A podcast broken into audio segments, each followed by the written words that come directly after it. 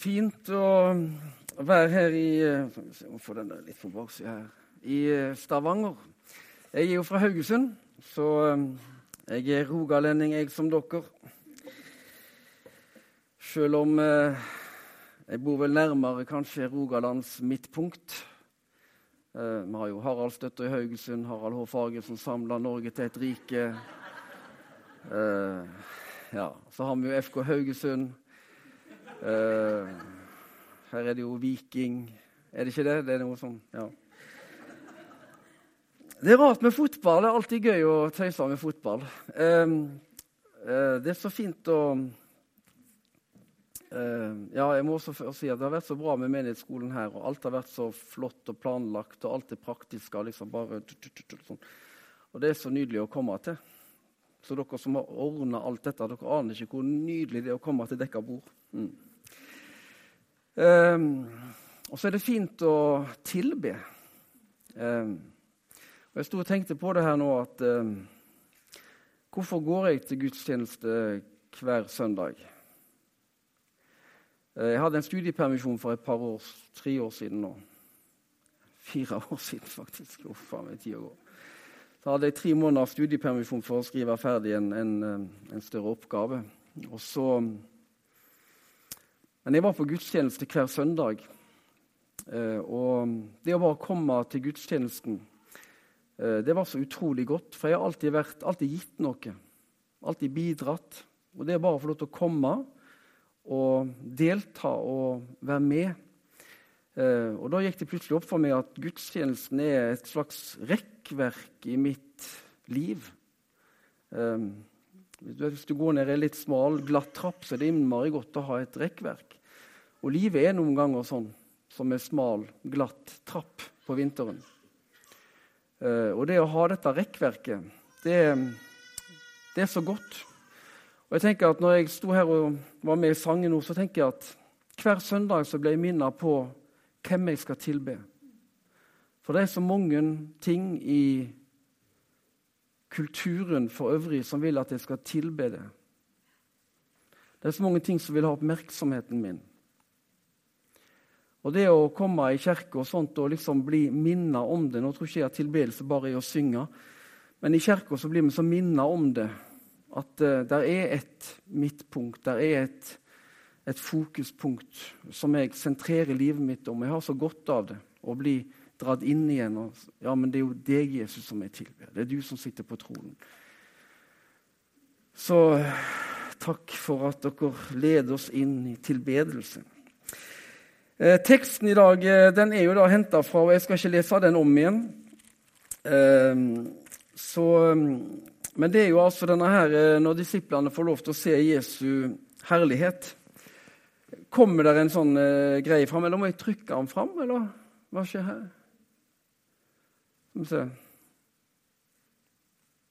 Kommer det Nei. Jo, der kommer han. Hvor vi hører hjemme, er tema som jeg har, um, har satt opp. Um, sånn Nei, men den skal vekk. Nå har jeg jo lært dette her. Nå, sånn. Jeg har fått opplæring i bruk av powerpoint i løpet av helga. Det har vært så nyttig, så nå uh, satt jeg opp i natt og så prøvde jeg å ordne til her. Så uh, nå må jeg håpe dette her funker. Uh, du vet, Vi er jo amatører, vi som, er, som ikke jobber med sånt til vanlig, men, men det er nå sånn. Ok, Poenget mitt er hvor hører vi hjemme? Det er liksom temaet.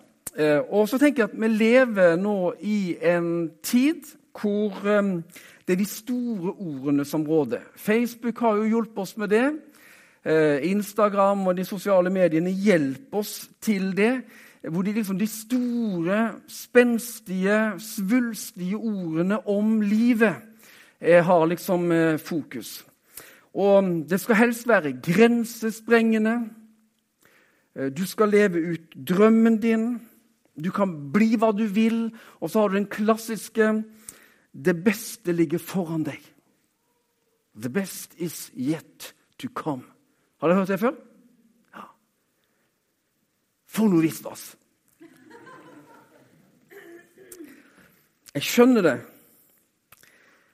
Men hva gjør det med livet mitt hvis det beste i livet mitt hele tida ligger foran meg?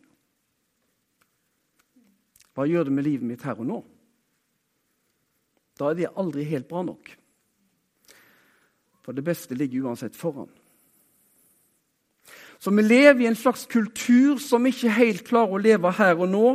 Vi lever i en underholdningskultur som lever av å gi oss opplevelser, den ene større etter den andre. Og det, den ene underholdningsprogrammet må overgå seg sjøl i neste sesong osv. osv.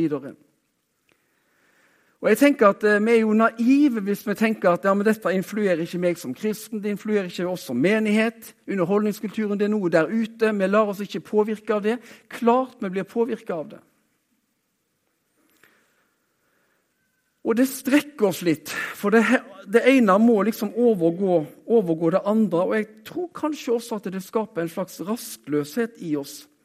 Vi vil ha mer, vi vil se mer, vi vil oppleve mer. Og vi lever i en tid på en måte hvor alt er mulig, nesten. Um, og det ordinære, da, det hverdagslige, det blir jo ikke så spennende lenger. Og jeg lever Jeg trenger noe å se fram til. Så Derfor så bestiller jeg en tur dit, eller jeg bestiller noe sånn, eller jeg bestiller noe sånn, for jeg trenger noe å glede meg til. Jeg trenger noe å se fram til.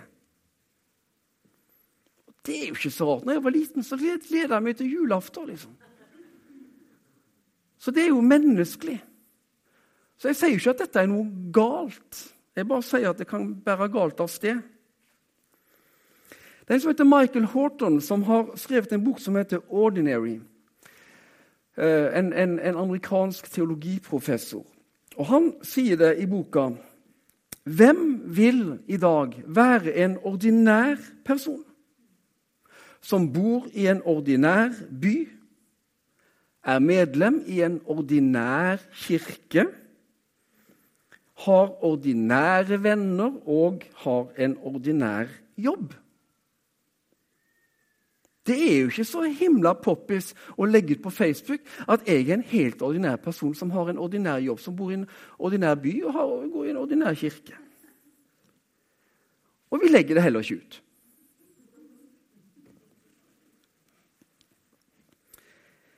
Teksten i dag fra Matteusevangeliet handler jo om noe ekstraordinært.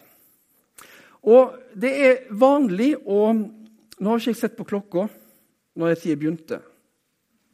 Men er det noen som har sett på klokka? Øyvind? Hæ? Fem på halv? Nei, jeg har jo holdt på ti minutter på det. Bare sånn svar, da, i innlednings... Uh, det, her er ikke Jeg må jo komme til poenget hvis dere skal komme hjem i dag. Beklager. Uh, uh, det er så vanskelig, dette her. Jeg glemmer å se på klokka og gå meg bort. Men det som er poenget, det er vanlig å skille mellom opplevelser og erfaringer. Og Hovedskillet mellom en opplevelse er at opplevelsen berører følelsene dine. Erfaringer du har, de får deg til å reflektere og knyttes mye mer opp mot din forståelse. Og Det betyr at um, det er ikke alle våre åndelige opplevelser som skaper noe endring i oss. De gir oss litt sånn frysninger på ryggen og gode, varme følelser og vibber og sånn. Men vi, vi endres ikke. Men erfaringene vi gjør, de har noe i seg, sånn at de kan endre oss.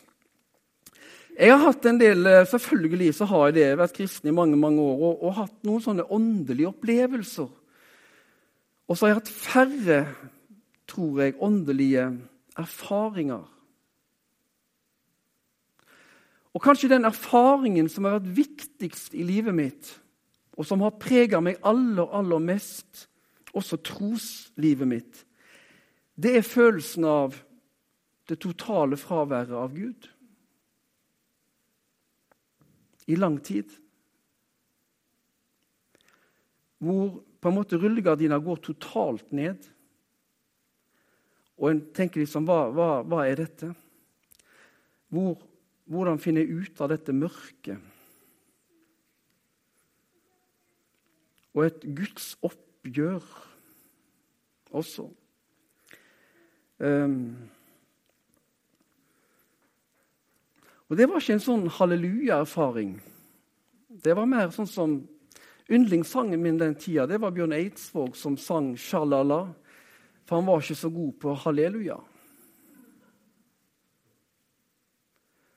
Um, men det er kanskje den erfaringen som har gjort mest med mitt trosliv, og som har planta meg i nåden. Og som har planta meg at Gud er min far. Jeg er hans sønn, jeg er ikke hans tjener, først og fremst.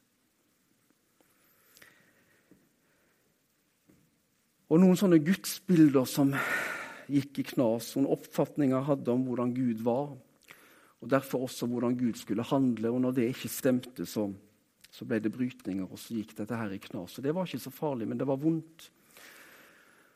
Så jeg tenker De åndelige erfaringene våre de trenger ikke alltid være halleluja-opplevelser, men det kan gjerne være sjalala-opplevelser som er krevende. Jeg vet ikke helt hvor vi skal plassere det som Peter, og Jakob og Johannes opplevde. Det var nok en erfaring. Jeg tror det gjorde noe med dem. Men de var altså på vei opp mot fjellet, og det var på Hermonfjellet. og Det er jo 2800 meter høyt, så de var nok ikke på toppen der. Um, sannsynligvis skjedde det om natta, dette. Og, og, og um, Lukas skriver at disiplene var, var, falt i dyp søvn. Uh, så sannsynlighet så var dette på natta. Eh, det at det var om natta, gjør jo selvfølgelig at denne her skyen som var der oppe også, det, det var en sånn lysende sky. Så det var, det var, to ting der. Det var denne lysende skyen, og så var det dette at Elia og Moses var der. Og, og det med skyen det var jo noe de som jøder kjente igjen fra Gammeltestamentet. Skystøtten i ørkenen som leda folket. I, i innvielsen av tabernakelet og det nye tempelet i, i, i uh, Jeg husker ikke hvilken bok det er, om kongebøkene eller Samuelsbøkene. jeg husker ikke helt nå. Men um, der står det at prestene kunne ikke stå i tempelet og gjøre tjeneste. Eh, for eh, Herrens herlighet det var som en sky som fylte tempelet, og Herrens herlighet fylte tempelet. Sånn at Det var ikke bare liksom skodda som kom sigende innover fjellet, liksom. Men det var en opplevelse av Guds herlighet. Og så var Moses der, og han var liksom, han står jo som bautaen. Altså, han var lovgiveren. Han ga Moseloven. Og så har du Elia der, som står der som representant for en av de største profetene. Um, så det er jo ikke så veldig rart at, um, at um, Peter, når, når de våkner og fikk se denne herligheten og de to mennene, og når de ser at mennene var i ferd med å forlate dem, så våkner liksom Peter. Oi! Nei, nei, nei, ikke gå, liksom. Bli her, bli her, bli her. Jeg lager tre hytter. En til deg, en til deg, en til deg. Og så eh, kan Peter og Jakob og meg, eller vi gutter, vi kan klare oss på en eller annen måte. Vi kan sove ute under åpen himmel. Helt greit. Men la oss bli her. Og det, det, det er jo som om Peter vil slippe, vil si la meg slippe å gå tilbake til hverdagen min. La meg slippe å gå tilbake til virkeligheten som den egentlig er i mitt liv. For hva hadde de på fjellet der? Jo, de hadde Jesus. Han var jo helbrederen. Ikke mer sykdom. Jesus, er vondt i ankelen min, kan du bare Ja, fint. Takk. Ja vel. Tenk en hel alderdom uten smerte, sykdom. Og så hadde du Moses. Han var jo lovgiveren, og de kunne fordype seg i loven. Elia han var jo den som eh, fikk noen ravner til å komme med mat. Så de hadde på en måte alt de trengte der. De hadde mat, de hadde åndelig mat, og de hadde legedom. Så det er ikke rart Peter ville bli, bli oppe der.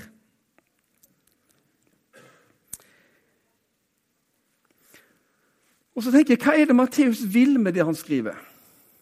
Altså, Matteus, altså Ingen av evangelistene skrev jo ned alt som skjedde med Jesus. Johannes sier at skulle alt det blitt gjort, så hadde jo ikke verden vært stor nok til å romme alle bøkene. Så når de skriver, så skjer det en redigeringsprosess. Matteus sitter faktisk med tro leder av Guds ånd. Så velger han. Det skriver han, og det skriver han. Og Hvorfor plasserer han denne historien der, der han gjør? Hvorfor plasserer han historie foran og bak? Matteus ville forkynne. Evangeliene er jo ikke bare rene historiebøker, men de er jo forkynnelse. De er gode nyheter. Og det som da skjer La oss tenke oss nå La oss tenke oss nå at Matteus vil si noe til de som leser det første gangen, og til oss i dag. Hva er det Matteus da vil si? Introduksjonen vil jo da være i kapittel 16 vers 13. Da Jesus kom til distriktet rundt Cesarea Filippi, spurte han disiplene sine hvem sier folk at menneskesønnen er. Og Så kommer det noen forslag, og så kommer det ultimate spørsmålet. ok, Hvem sier dere at jeg er? Og Det er jo da Peter trer fram og så sier han, du er Messias, den levende Guds sønn. Amen. Og så sier Jesus at dette er altså fantastisk. Og så sier han, du er Peter, sier han. Og på denne klippen vil jeg bygge min menighet. Amen, sier Peter. Og så inviterer kanskje Peter til et takkemøte, et bønnemøte, jeg vet ikke hva. Men der har vi det. Du er Messias. Du skal frelse folket vårt fra den romerske okkupasjonen. Du skal bygge din kirke. Du skal bygge ditt folk. Altså, når vi tenker kirke, så tenker vi kirke, men de tenkte noe annet. Wow! Du skal bygge ditt folk, så å si. Det er nesten som en film. Noen som Jeg liker å se en god film. Den begynner gjerne sånn på topp og så bygges den opp av at det må være noen antiklimaks i en film. Når du tror at alt går bra, typisk, så skjer det noe som bare drar det rett ned, og så sitter du der øh. Hvorfor måtte det skje, da? Og Det er litt det Jesus gjør her også. For da tar han det videre, og så sier han Så begynte Jesus å gjøre det klart for disiplene sine at han skulle dø. Så fra å bekjenne Jesus som Messias, som Peter gjør, så tar Peter denne Messias til side, og så irettesetter han denne Messias. Så det går på en måte fra bekjennelse til irettesettelse. Der opplever nok Peter at noe av drømmen hans den går også i knus. Jesus, hvis du skal dø, hva med oss da?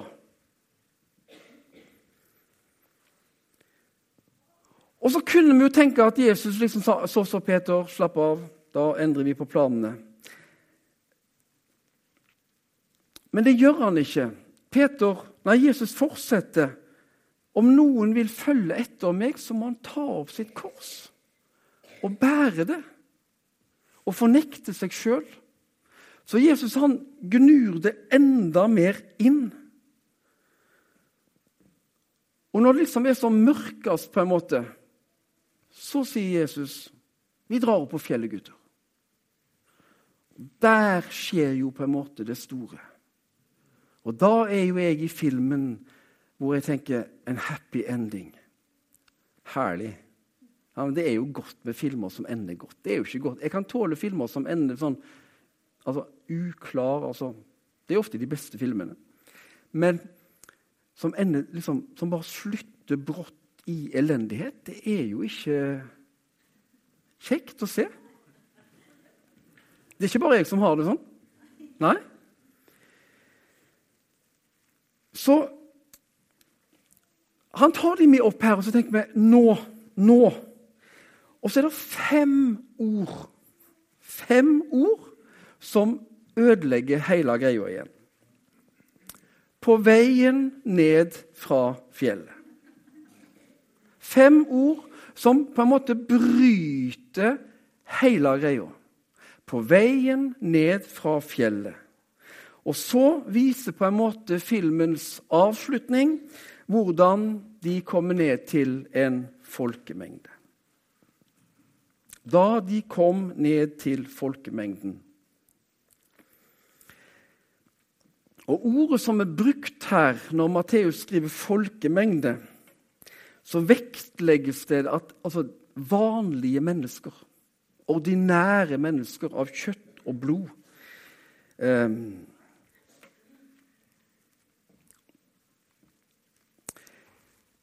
Temaet for talen satt jo som eh, 'Hvor hører vi hjemme?' Og jeg tenker kanskje Matteus, med å skrive dette han skriver, på den måten han gjør, og sette det inn i sammenheng sånn som han gjør, vil si oss noe om hvor vi hører hjemme. Kanskje han ønska den gang å si, og i dag å si, at etter hvert så vil dere disipler lage store, fine menigheter.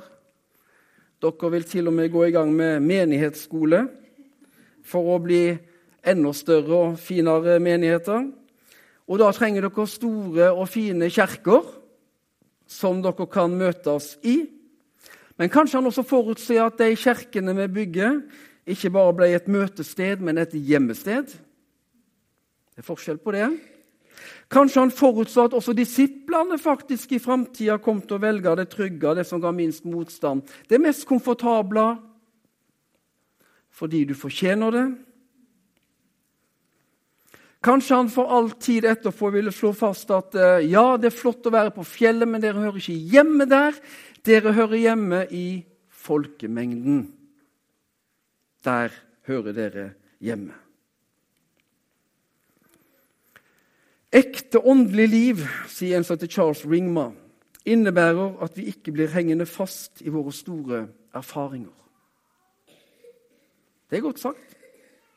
Ekte åndelig liv innebærer at vi ikke blir hengende fast i våre store erfaringer. Og Det er forskjell på å bli hengende fast i erfaringene våre og det å la erfaringene med Gud føre oss inn i framtida. Altså være noe som gir retning for framtida vår.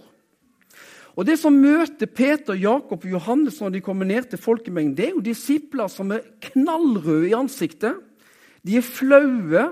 De møter en mann, en pappa, som er totalt fortvila. De møter en syk sønn, og de møter en, en pappa som kommer til Jesus og sier, 'Vet du hva? Jeg tok min sønn med til disiplene dine, men de var ikke i stand til å helbrede han. De var ikke i stand til, de kunne ikke, de klarte det ikke, de strakk ikke til. De var utilstrekkelige. Og der står de litt sånn, litt småflaue. Og så blir gutten ført fram for Jesus. Så er det Jesus som kommer i sentrum. Og Så blir gutten ført fram for Jesus. Så blir han helbreda. Men det er Jesus som gjør det. Og Senere så lurer jo disiplene på her har vi gått med det Jesus i tre år. og Hvorfor kunne ikke vi gjøre dette? da? Og Da sier Jesus at for dere har så lite tro. Og jeg syns nesten det er litt dårlig gjort, altså. Å si det til dem når de er så fortvila. Og så får de liksom Hvorfor Jesus? Kunne de ikke bare liksom sagt at ja, for dere brukte feil ord? Liksom. Feil formel. Dere glemte punkt én av de fem punktene som vi har lært dere om helbredelse. Og så sier han, hadde dere hatt tro som et sennepsfrø, så hadde dette gått bra. Og dere ser et lite sennepsfrø der oppe. Der. Ser dere det? Ja. Det er ikke så stort i hånda vår. Og så slår egentlig Jesus fast at uh, det handler ikke om uh, hvor mye tro, men det handler om hva troa er retta mot. Og så sier Jesus at bitte, bitte, bitte, bitte litt tro retta mot en stor, stor, stor, stor Jesus kan utrette veldig, veldig mye. Kanskje disiplene hadde veldig mye tro, egentlig, på seg sjøl. De hadde jo tross alt gått med Jesus i tre år og hadde vært med på litt sånne mirakler og tjohei og gøyale ting. Kanskje de hadde flytta tyngdepunktet fra Jesus Kristus og over på seg sjøl. Det er fort gjort, det. Det er fort gjort å sette oss sjøl i sentrum, og at vi blir tyngdepunktet og de som bærer hele greia. Og det å plassere Kristus i sentrum og se at det er han som bærer både deg og menigheten. Disiplene kjente seg utilstrekkelige. Det, kjenner dere dere igjen i det? Er det noen utilstrekkelige mennesker her? Nei, vi tar ikke håndsrekning på sånn. Um,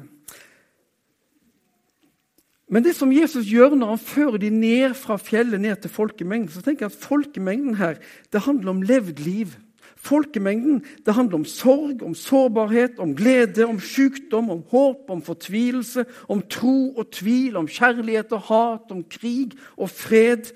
Og folkemengden står der som en metafor for livet i all sin fantastiskhet og i all sin grufullhet folkemengden. Han førte sine venner og disipler ned til folkemengden. Og jeg tenker at Vi er kalt til å være dypt menneskelige blant andre mennesker. Det er interessant at En av de store vranglærerne som, som den første kristne kirka måtte ta et oppgjør med, det var denne, en lærer som fornekta at Jesus var ekte menneske. Han kunne, altså, han kunne, ikke både være Gud og menneske på samme tid. Han kunne ikke være et ekte menneske. Han, han framsto bare i skinn av å være et menneske. Og Derfor, når han hang på kors og led, så var ikke det som et ekte menneske. Men det var et skinn av menneskelighet. En slags fake. Og Det ble igjen tatt tak i av eh, av eh, noen andre grupper som begynte å skille veldig mellom det åndelige og det menneskelige. og Der det åndelige ble det viktigste. Og det menneskelige skulle vi liksom undertrykke. Og Kanskje vi liksom sitter litt med noe av den arven, vi også i dag. at det, denne dualismen, motsetning mellom det åndelige og det menneskelige. Men Jesus Kristus var sann Gud og sant menneske. Eh, og når han led, så led han på ordentlig. Da vet han hva lidelse er, da vet han hva smerte er, da vet han hva mørke er, da vet han hva det er å være forlatt av Gud. Han vet det som menneske og kan derfor også være noe for oss. En som heter Dallas Willard han sier at den godt sikrede hemmeligheten av det alminnelige er at det er skapt for å være en mottaker for det guddommelige, et sted hvor Guds liv kan strømme. Jesus Kristus som sant menneske fører oss til folkemengden. Der lever du og meg, våre ordinære liv. Du lever det på skole, universitet, du lever det på hjemmebane, du lever det i nabolaget ditt. Du lever det der du bruker tida di. Ordinære liv, hvor det menneskelige ikke er en hindring for Gud, men en mulighet for Gud. en kvinne som heter Tish Harrison Warren, 30 år nå. Hun har en bakgrunn i det som hun kaller en radikal kristendom. Har vært på krigsmarken i Afrika, eh, vært ute, eh, evangelisering og hele pakka. Veldig veldig sånn radikalt. Nå skriver hun en blogg og så skriver hun at nå er hun hjemme med en baby og en toåring. Og hun sier at det er mer skremmende for meg enn å være i en krigsherja afrikansk landsby. Og så sier hun jeg trenger mot til å leve i det ordinære. Å ha omsorg for et hjemløst barn er mer spennende for meg enn å være til stede for de jeg bor sammen med. Det ordinære. Hvor er det du trenger Guds kraft? Hvor er det du trenger ditt mot? Jo, det er jo gjerne i det nære. I det hverdagslige. Der hvor du er plassert. Det beste ligger ikke alltid foran deg. Det beste kan ligge der du er nå i det ordinære. Det er noe med å omfavne det ordinære. Og jeg tenker at også Som menigheter så kalles vi til å leve i det ordinære. Altså Menighetsarbeid det er jo å bygge menighet. Det er jo for det meste traust hverdagsarbeid. Jeg har lest boka til Jens Stoltenberg som heter 'Min historie'. og Det er en god bok. Um, og Han skriver om politikk, og det kan veldig lett oversettes til det vi holder på med. Han skriver jeg har tro på at politikk kan forandre verden. Ikke over natta. Det er sjelden politikk handler om store, spektakulære begivenheter som Berlinmurens fall eller Norges nei til å bli med i EU. Det meste er traust hverdagsarbeid. Det er små endringer som gradvis skaper de store forvandlingene. Når det enkelte vedtak gjennomføres, er det ikke sikkert det skaper så stor oppmerksomhet. Det er når vi i ettertid ser tilbake på mange små beslutninger som virker sammen, at vi ser storheten.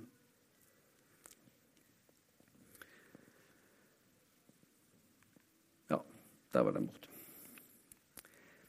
sånn er det å bygge menighet også. Nå har vi hatt eh, en helg med, med menighetsskolen. Og Det handler også om å bygge stein for stein. Denne menigheten er også bygd av mennesker som uke etter uke, måned etter måned, år etter år har gitt av sin tid og sine krefter, sin økonomi, i det ordinære. Eh, I Grimstad, hvor jeg bor nå, menigheten der, så har vi noen speiderledere. De har holdt på i siden før syndefallet, holdt jeg på å si, altså, eh, med å være speiderleder. Det er helt imponerende. Tirsdag etter tirsdag etter tirsdag mellom klokka halv seks og ni så har de møtt jenter og gutter fra mange hjem i Grimstad. Og, og, og, og, gutter og jenter med veldig ulik bakgrunn og med problematisk bakgrunn og hele greia. Så har de vært der for dem. De har fostra nye patruljeledere og hele greia her. og, dere kjenner speideren. Men, men det er noe med at Menighetsarbeid er det ordinære. Det er det du gjør uke etter uke av praktisk art og alt som må gjøres i en menighet. Det er å bygge menighet. Det er det ordinære. Så jeg har liksom lyst til å si til dere at det er flott å være på fjellet, men glem aldri at det er ikke fjellopplevelsene som på en måte har bygd Guds menighet gjennom historien. Det er det ordinære mennesker som har gjort. Hverdagslige mennesker som lever sine liv der de er. Og at du også som enkeltkristen kan få lov til å få mot til å se at Gud har en plass for meg i det ordinære, i min hverdag. Hvem er det som er rundt deg? Hva kan du bety nå for de du treffer neste uke, som du bare har i din nærhet? Det handler ikke om å nødvendigvis reise langt av sted for å gjøre store, spektakulære ting. Men det handler om å være noe noen skal gjøre det, men de aller fleste av oss lever helt ordinære liv. Så Gud velsigne dere i å leve helt ordinære liv og være der hvor Jesus har sendt dere. Amen.